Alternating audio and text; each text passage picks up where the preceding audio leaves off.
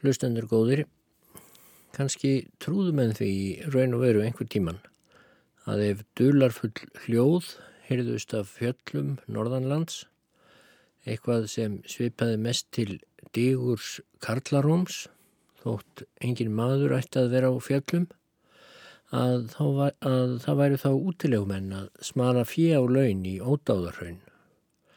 Þótt að sérraun er ekki alveg skiljanlegt hvernig sá svo smalamennska átti að fara fram á laun ef útilegumennir hóuðum leið svo hátt að hljómuða um næstu sveitir, byggðamönnum til skjelvingar. En látum það líka millir hluta, slíkt flokkast undir skáldarleifi hjá Grími Tomsen sem orti það kvæði sem ég var að veitna í á Sprengisandi. En trúin á að útilegumenn lindust í ódáðarhraunni var áræðanlega fyrir hendi en það fóru Íslandingar ekki um ódáðarhraun öldum saman. Af einskjærum óta við eðilegt landslægið og þó ekki síður það sem þar kynni að leynast. Þorvaldur Tórótsen sem kallaður hefur verið fyrsti landfræðingurinn íslenski hann skrifaði um þetta og hann verður í 19. öld þegar áhugi manna á hálendinu var að færast mjög í aukana og þar á meðal áhugi á ótáðurhraunni, ekki síst eftir eldgósið mikla í ösku árið 1875. Þorvaldur skrifaði Víða hafa eldgósorðið á Íslandi og víða eru hraun og brunaklungur en þó hvergi eins og í ótáðurhraunni. Það er stærsta brunahraun í Norðurálfu og eftir vill hið mesta í heimi. Ódáðarraun hefur áður verið mjög ókunnugt byggðamönnum. Þrátt fyrir það þótt ímsar tilraunir hafi verið gjörðar til að rannsaka það. Það er eigi undarlegt þótt svo væri. Því ódáðarraun er hálendasti öræfa kapli á Íslandi, gróðrar laus og ákaflega yllur yfirferðar. Um raunnið og öræfin þar í kring hafa skapast ímsar munmæla sögur og sumir heldu að þar væru stórar útilegumannabygðir. Útilegumannatrúin er þó á dálillum rökum byggð því allir vita að ímsir hafa orðið að flýja byggðir og hafast við um tíma í óbyggðum. Þóttir oftast hafi haft styrk og liðsynni frænda og vina í byggðum. Sekir skóarmenn urðu til forna ofta að hafast við í öræfum og eftir að stóri dómur var í lögleitur urðu margir sem brotlegir urðu að flýja úr sveitum til fjalla. Fjalla eyvindur er öllum kunnur, kunnur og af honum gengur ótalsögur en auk þess er í annálum og öðrum reytum getum ímsa að seka útilegu þjófa sem ekki urðu eins frægir og eigi fóru jafn víða og eyvindur. Af þessu hafa sögurnar skapast og svo hefur hugmyndaflug þjóðarinnar aukið og fegrað og gjört öræfin sem enginn þekkti en þá ægilegri með því að skipa þau tröllauknum fjallabúum sem gáttu hulið byggðir sínar ef einhver fór að nýsast eftir þeim. Egi er þess getið í bókum að fornmenn hafi farið um ódáðurraun eða skoðaðað en líklegt er þó að byggðamenn hafi líkt og á setni öldum þekkt útjæðra hraunsins þótt ekki sé það fært í letur. Ódáðurhraun sjálft hefur ávalt verið því nær ókunnugt byggðamönnum. Trátt fyrir það þótt ímsar tilraunir hafi vissulega verið gjörðar til að rannsaka hraunnið og finna vegi um það. Á 17. öld er þess oft getið að menn fóru frá Östurlandi, suður yfir Ódáðurhraun og þann veg fóru skálholtsbiskupar oft á vísitasíu ferðum sínum til Östfjörða. Þann veg fór Ottur biskup Einarsson þegar hann átt að hafa hitt fyrir útilegu menn og sagt er að Bjarni Síslumadur Oddsson hafi farið þann veg síðastur árið 1736. Þessi vegur hefur að öllum líkindum leigið frá Madrudal og yfir norður jæðarhraunsins í Kíðagil. Vestan við Jökulsá, Littlu, fyrir sunnan Madrudal er fell sem heitir Ferjufjall, milli Gravarlanda og Herðubreiðarlinda Þar er ágetur áningarstaður áður en lagt er á hraunið. Síðan taka við þaðan í norðvestur grítar melöldur upp undir norðurenda herðubreiðarfjalla eða dingjufjalla hinnan nyrðri en lítil hraun. Þar hef ég séð vörðubrott og eina mósavaksna vörðu ágætlega hlaðna, rúmlega mannhæðar háa. Hefur vegurinn síðan leigið fyrir norður enda fjallana eða um skörð norðan í þeim og síðan fram hjá fremri námum sunnan undir Bláfjall, Bláfjalli í Suðurárbotna og þaðan í Kíðakill. Þessi vegur er nú alveg glimtur og ókunnur byggðamönnum og engin veit hver hlóð þessa vörðu. En sama veg fór sámur á leikskólum er hann sótt í viksmál á hendur Hrafkjeli Freiskoða sem segir frá í Hrafkjelsögu Sagt er að hann hafi verið nótt á Möðrudal, riðið síðan yfir herðubreiðartungu eða herðubreiðarlindir og svo fyrir ofan Bláfjöll, þaðan í Krókstal og svo söður á Sand. En síðri hluti ódáðurhraunns hefur fyrrum verið annarkvort líkt kunnur eða með öllu ókunnur og hinn fyrsti sem fór millir hrauns og jökuls var Pétur, sonur Brynjóls Læknis Péturssonar. Hann fór árið 1794 frá Brú á Jökuldal upp í Þorláksmýrar, síðan vestur yfir Kverká, Kreppu og Jökulsá og Fjöllum, fyrir norðan Skjaldbreið eða Trölladingju og inn í Kíðagil. Leði svo langur tími að ekkert varð gjört til að kanna raunnið. Margar munnmælasögur gengu þá á meðan um útilegumannabygðir, tröll og forinjur í rauninu og var þessi trú svo föst að enginn þorði móti henni að mæla. Um 1830 tóku sig hins vegar saman fimm menn frá Mývatni og hugðust grenslast eftir útilegumannabygðum og rannsaka dingjufjöll. Þar þóttust menn oft hafa séð reik, leggja til hímins og heldu að þar væru aðal stöðvar útilegumanna. Eitt þessara sem voru í ferð þessari, Jónas Búndi Jónsson á Grænavatni, sem nú er rúmlega áttræður og blindur, hefur sagt mér frá ferðinni. Þeir voru allir vopnaðir og vel útbúnir, höfðu bissur og sömur sverð. Láðu þeir fyrstu nóttina í söður árbótnum og reyðu svo söður og vestur fyrir dingjufjöll yfir ranana sem vestur úr þeim ganga, síðan austur með og skiptu sér nálagt söðu-austurhorni fjallana, fóru tveir söður á vaðöldu og svo niður með Jökulsá en þrýr fóru yfir Dingjufjöll ytri og brennisteinsvegin gamla niður í byggð. Einskis urðu þeir áskinja og enga funduðu þeir útilegumennina sem von var. Um ferðina var þetta kveðið, mývatns horsku hetjurnar, herja fóru í Dingjufjöll, sverð og bissu sérkverbar að sækja fjö og vinna tröll. Nokkrum árum setna, 1838, fór Björn Gunnlaugsson hinn að fyrstu rannsóknarferð sína um ódáðurhraun. Hann hrefti verstu ílviðri, komst í trölladingju og þaðan í öskju og klungraðist svo með mestu lífsættu niður í herðubreiðarlindir. Árið eftir, 1839, fór Björn Gunnlaugsson aðraferð, fann þá vonarskarð og fór það vestur eftir og fór það næstur á eftir gnúpabárði og síðan í besta veðri austur með jökliðað brú á Jökuldal. Með honum var Sigurður Gunnarsson sem árið eftir fylgdi danska náttúrufræðingnum Skýþe sama, sama veg. Um þá ferð hefur tölvert verið ritað. Þeir fengu hinn að verstu ferð, Kavalds hríðir í rauninu og frost, mistu flesta hestana og láfið sjálft að þeir sjálfur tíndu lífi leiði nú enn langur tími að ekkert var gert til að rannsaka þessar ófrínilegu óbyggðir. Þó fóru tveir menn úr Mývasveit, Jón Hinriksson á Helluvaði og Jónas Sá sem fyrir var getið 1853 söður fyrir Dingjufjöll.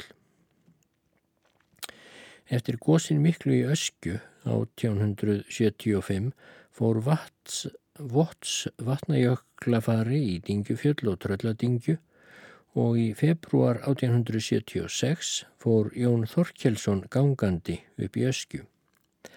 Sumarð eftir kom profesor Jónstrup þangað og síðan hafa komið þangað tveir eða þrýr englendingar. Svo hinn mestaferð sem farin hefur verið í ódáðarhraun á setni árum var ferð mývetninga og bárðdælinga sömarið 1880 kringum ódáðarhraun. Hefur henni verið líst í norðlingi. En þrátt fyrir þessar ferðir má svo heita að raunnið sjálft sé því nær ókunnugt og hverki hefa verið gjörðar mælingar eða vísindarlega rannsóknir nema þá í öskju. Mörg eru þar fjöll og fjallgarðar sem engin maður hefur nokkur tíma umfarið og uppdráttur Íslands er á þessu sviði mjög skakkur eins og nærjum á geta.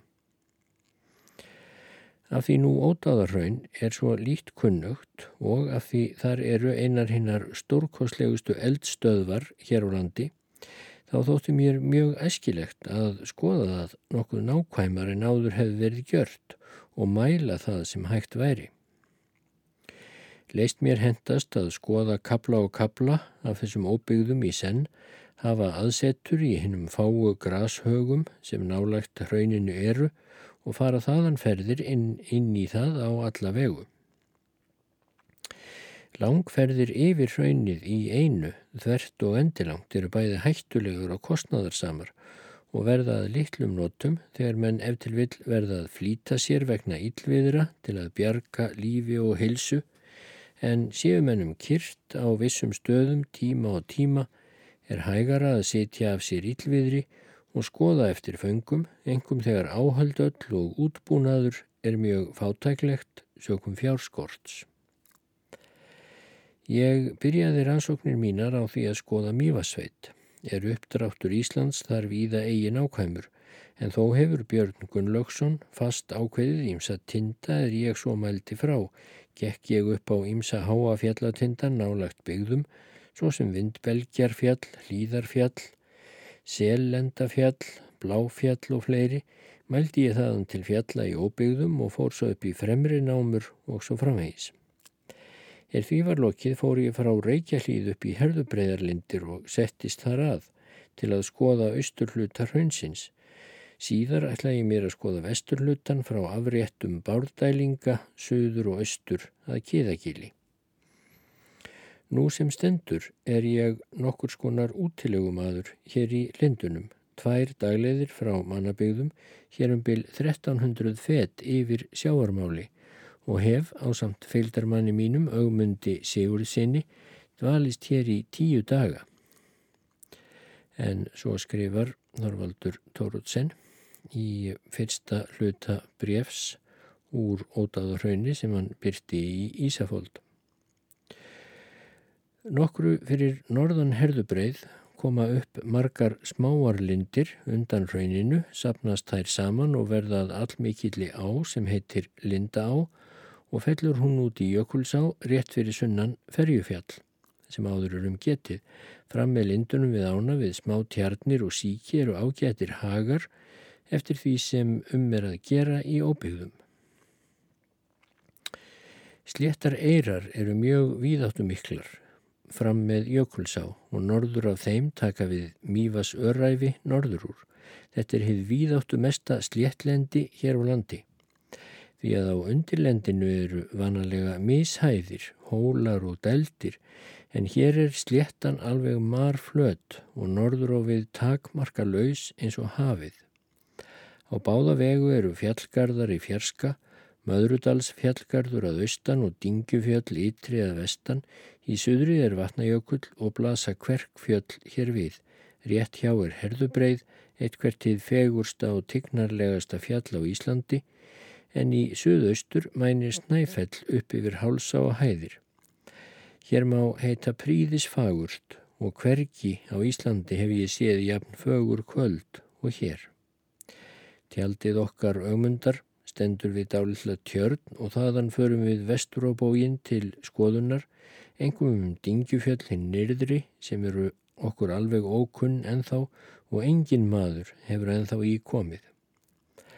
Vegalengdir eru hér svo miklar og vegir svo slæmir að sjálfnast endist dagurinn til hverjar ferðar og verður því að bæta nóttinni við. Allstaðar er gróður löst í raununum og verðum við því í allar lengri ferðir að hafa með oss hei handa hestunum og slær augmundur það hér á eirunum. Allur er búskapur vor hér fremur kotungslegur en við lítið má bjargast. Veður hefur verið fremur gott en þó heldur kallt og hráslagalegt. Og hér má skjóta því að að þetta er skrifað í setnipartin í júli 1880 og fjögur. Þó heldur kallt og hráslagalegt, skrifaði Þorvaldur sem sé, oft er frost á nóttunni og snjóað hefur í fjöll. Meðalhiti þá daga er við höfum verið hér hefur verið um 6 gráður á Celsius en er þið þó mun minni ef nóttin væri talin með.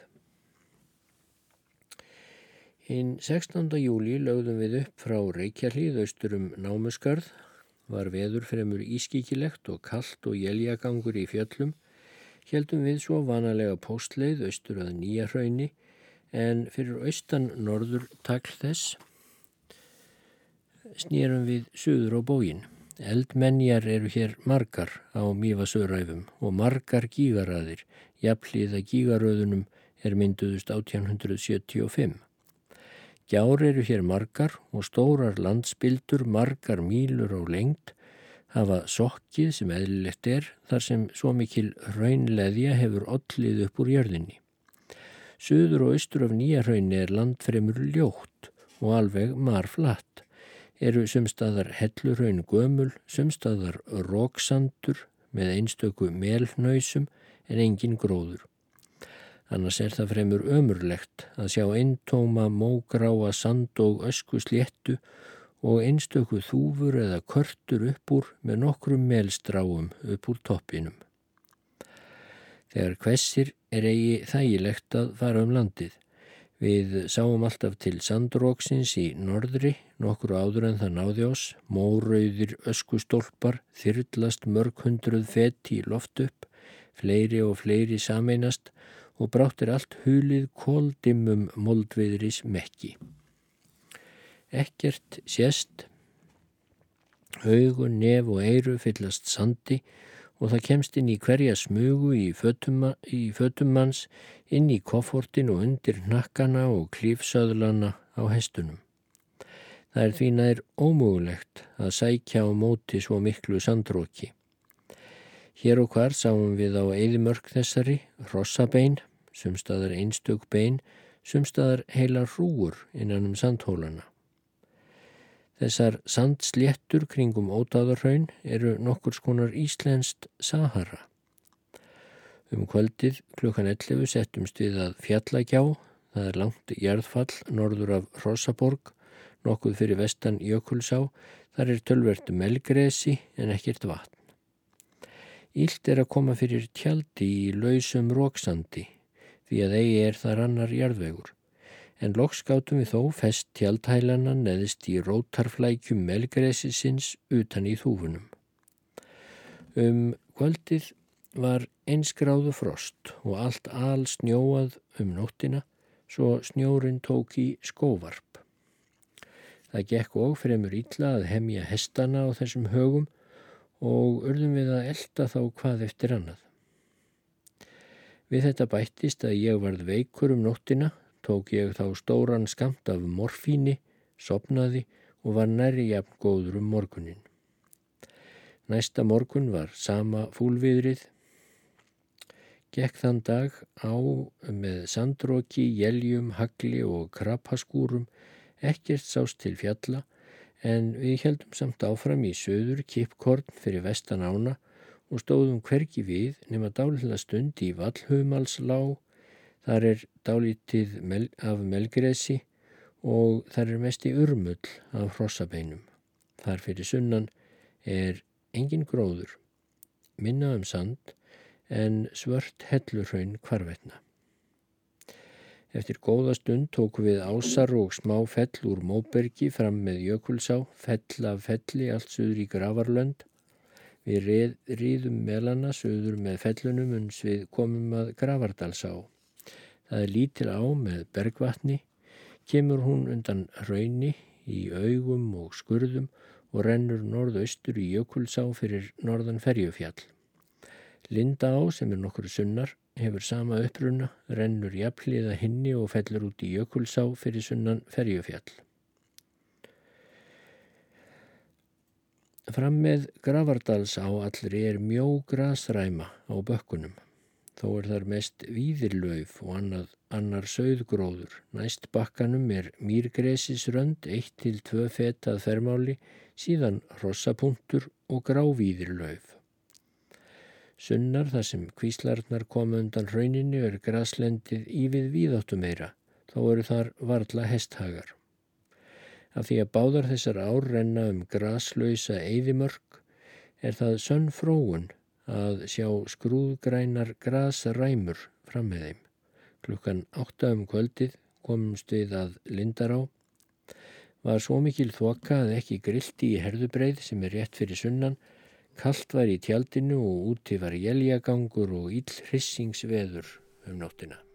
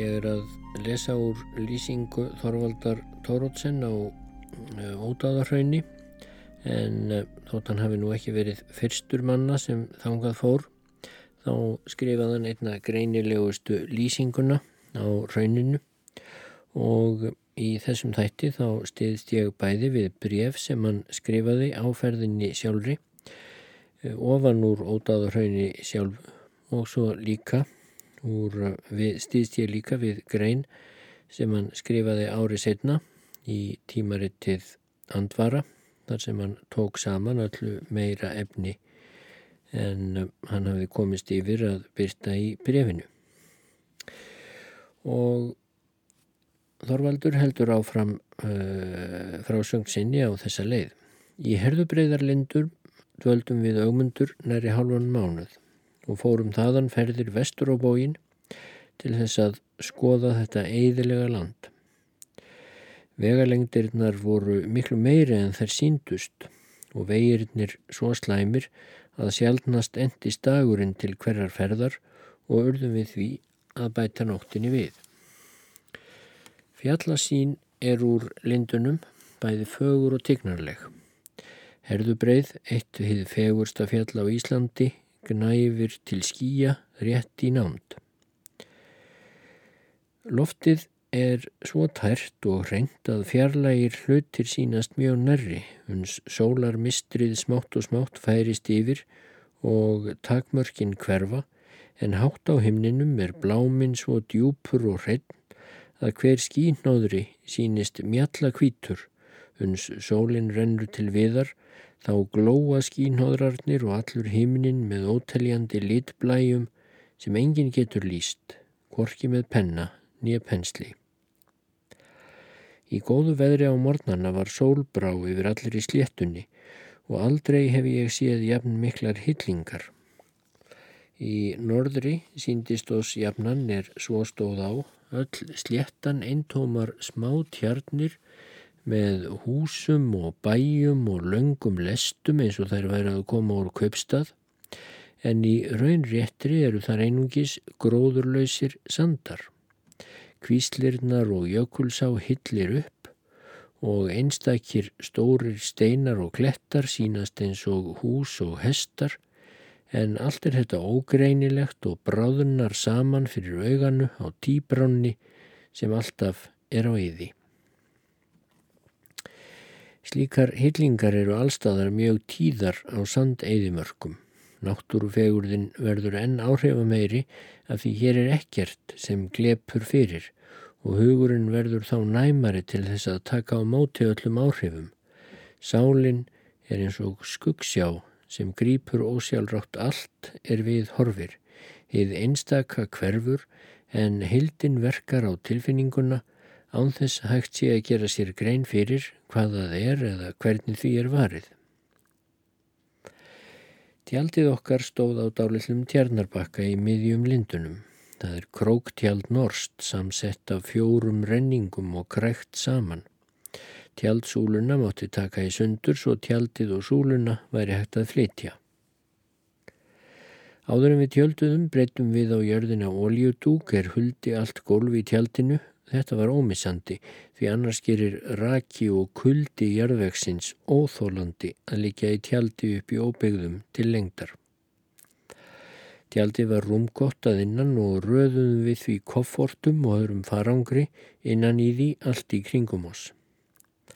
Að því tjaldið var samsett af renningum mátti hafa dyrnar hvar sem vildi eftir veðurstöðunni þegar kvast var bárum við grjót á tjaldskurina að innan. Á nóttunni höfðum við klifsöðla og nakka undir höfðinu, enga höfðum við eiginlega svefnpoka en vöfðum um oss ábreyðum og kápum. Oft verður manni mjög kallt á fótum í tjaldi en til þess að verjast fótakulda er einfalt ráð að hafa fæturna niður í póka á nóttunni. Þegar maður verður að dvelja lengi í óbyggðum, fjarrri öllum mannabyggðum, er eigi hægt að komast hjá því að flytja með sér tölverðan farangur.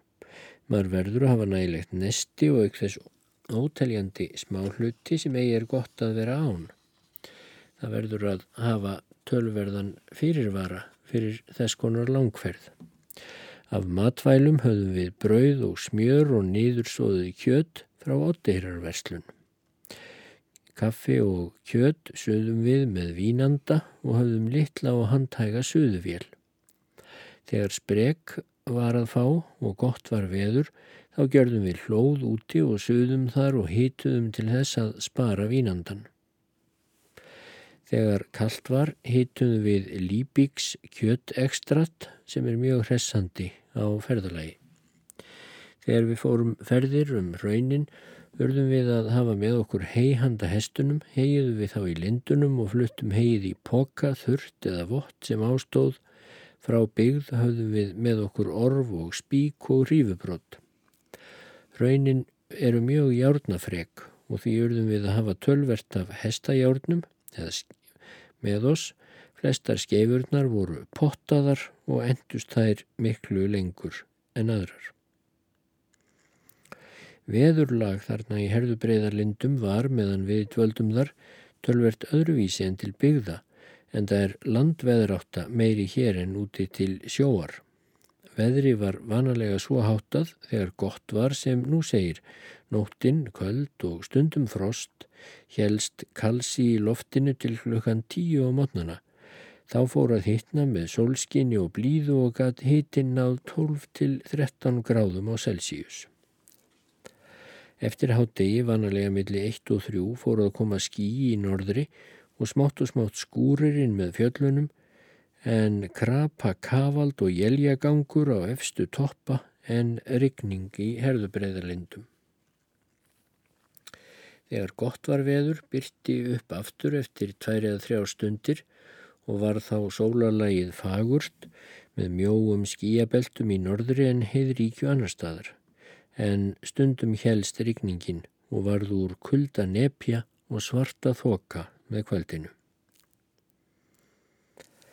Norður og austur af Dingjufjöllum og norðvestur af Herðubreið er tölverður fjallgarður sem sumir kalla Dingjufjöll ytri en mývetningar flestir Herðubreiðarfjöll. Fjöll þessi eru alveg ókunn og mjög skakt sett á uppdrætti Íslands. Frá þeim hafa runnið mikil hraun á báða vegu, einhver tíma í fyrindinni.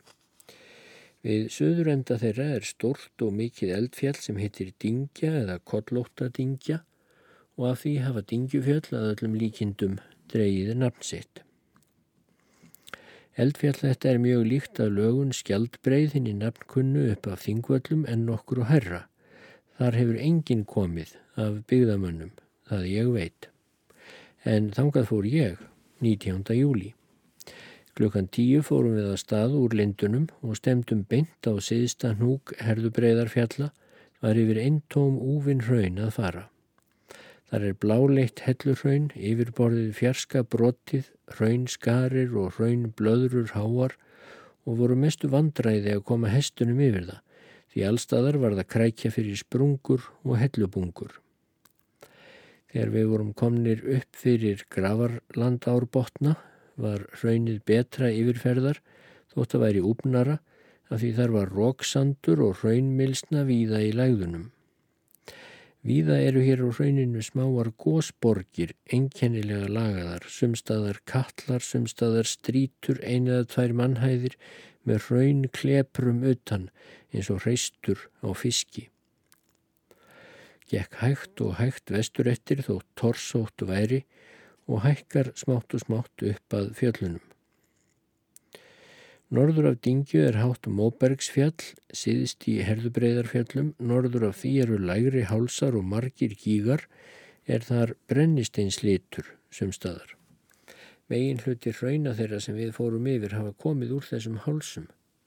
Eru þar í hallanum stórkostlegar hraunrastir og kampar yllir yfirferðar Það eru margar gjár frá norðri til söðurs en nokkurnu einn tókst að komast yfir þær því flestar voru meiruminna fullar af róksandi og sumstaðar voru spangir og brýr yfir. Lóks tókst okkur um klukkan tvö að klöngrast yfir seinustu kampana upp að smáum hálsadrögum austan við fjallið sem fyrir var getið. Móbergið er þar sundur getið í skringilegu myndum, eintómir strókar og nippur væri hér æði draugalegt í þóku eða myrkri. Niður af þessum smáfellum fórum við brattar móbergshellur niður í leirbotna í krikanum þar sem dingja kemur saman við fjallið.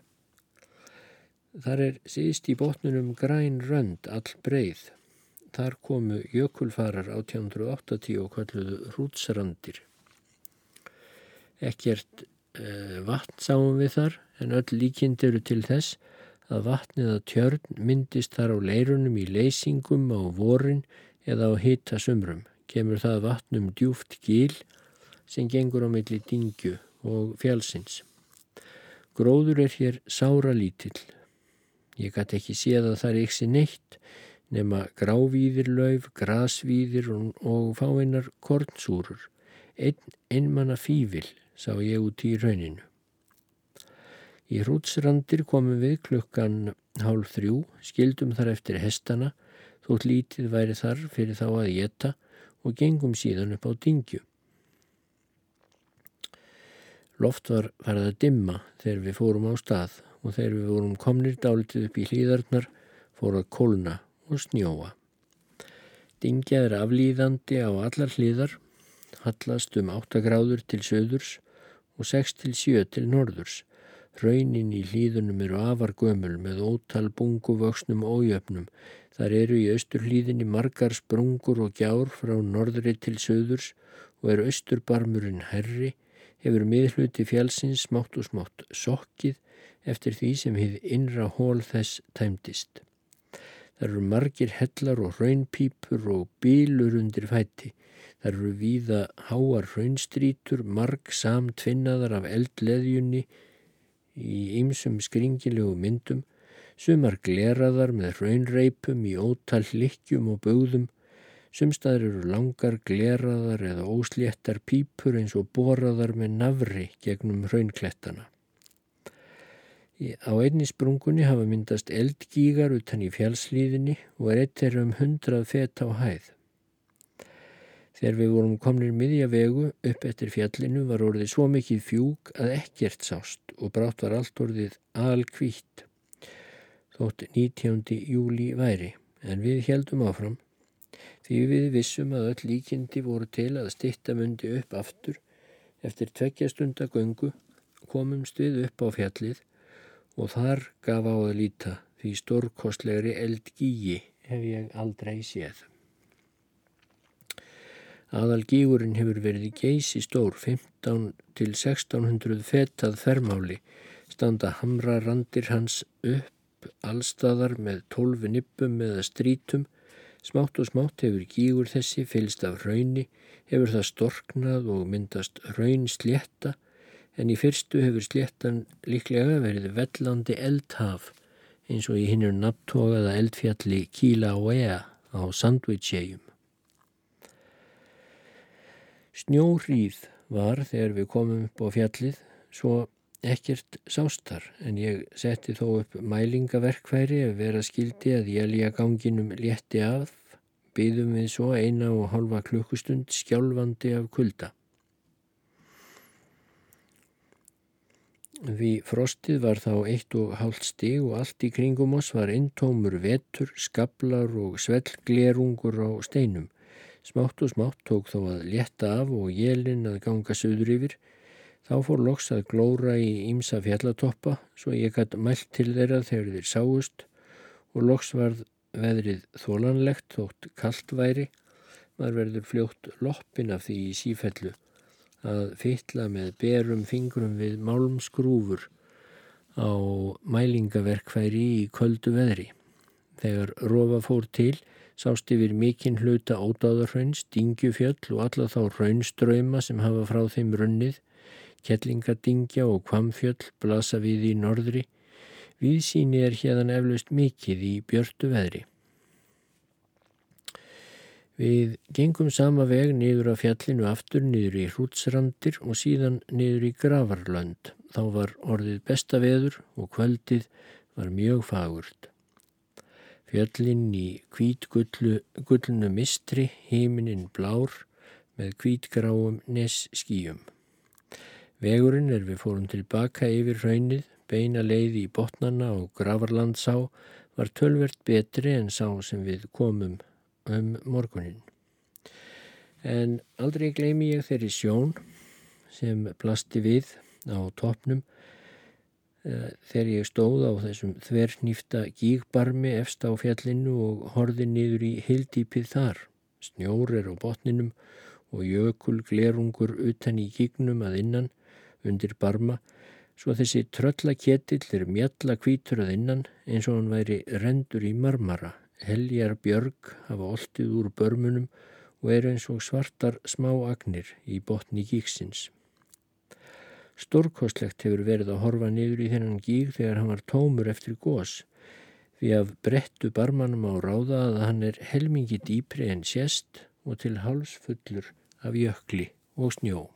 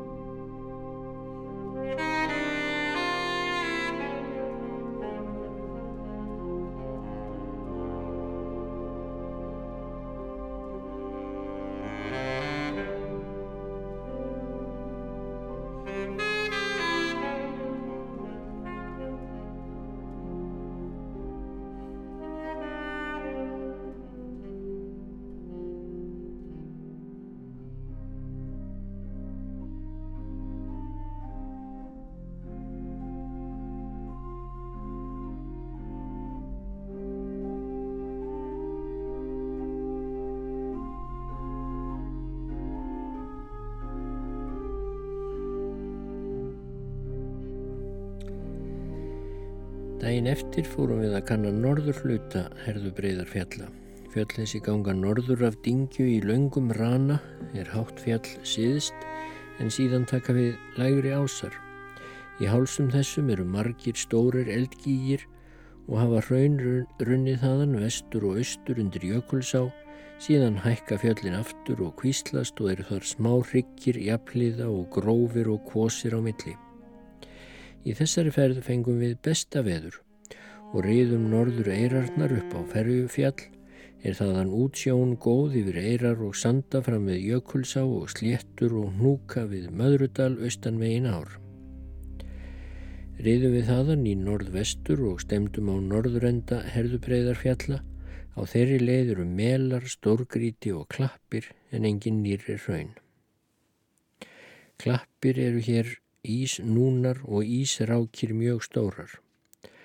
Á þessari leið fundum við vörður og er það eðlilegt að vegurinn hafi verið hér því hér er minnst yfir hraun að fara.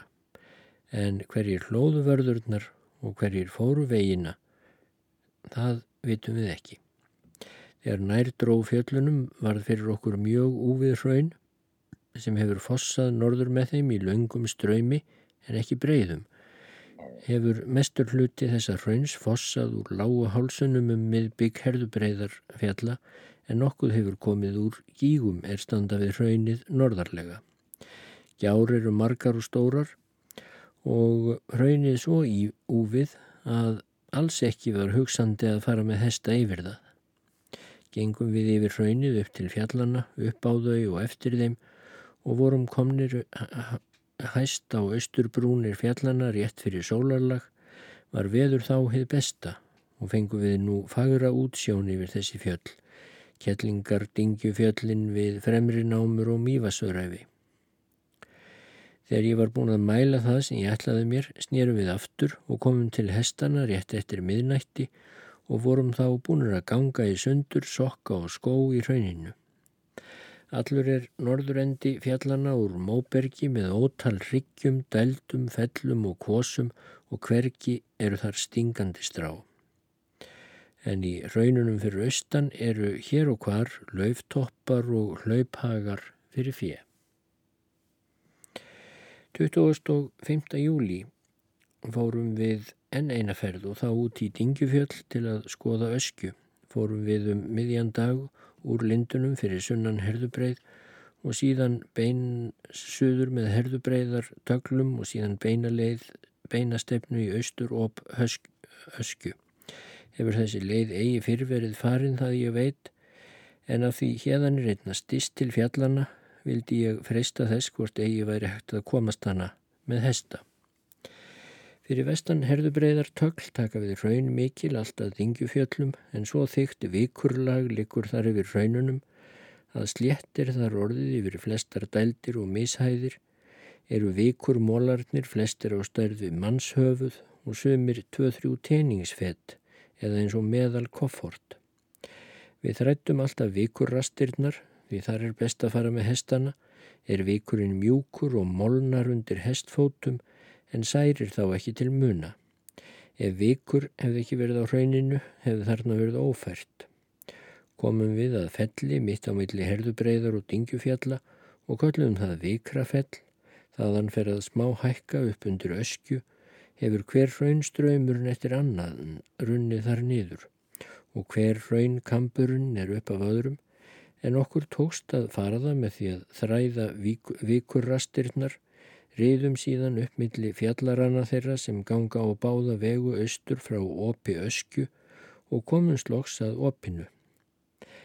Þar hefur engin vikur fallið og eru þar fjarska úvinn hraun og íll yfirferðar eða alveg ófær, en skablar lágu víða fram með hliðunum og gátum við víða sneitt okkur eftir þeim og komumst svo upp í dalinn en þurftum þá að fara yfir lítinn apalhrauns tanga sem var mjög örðugur síðan reyðum við alla leið að jarðfallinu mikla og gígnum í suðausturhorni öskju með því að þræða skabla í hlýðunum. Þeir sem áður hafa farið upp í öskju hafa farið um skarð, Jóns skarð, norðan í fjöllunum, skilið hestana eftir norðan megin í dalnum og hafa svo gengið yfir hraunsléttuna þverra að gígnum. Er það fjóra til fimm stunda mjög örðugur gangur því hraun þessi eru ílfæri gangandi mannum. En ég veit ekki til að menn hafi fyrrfarið ríðandi að gígunum, vorum við um nýju klukkustundir úr lindunum þangað en fórum á rúmum sjöstundum til baka aftur. Við skildum eftir hestana Við vikurgíin stóra er Gauðs 1875 og fórum svo gangandi fram og aftur til að skoða, vorum við að því allanóttina því að mjög var bjart og fram á næsta dag.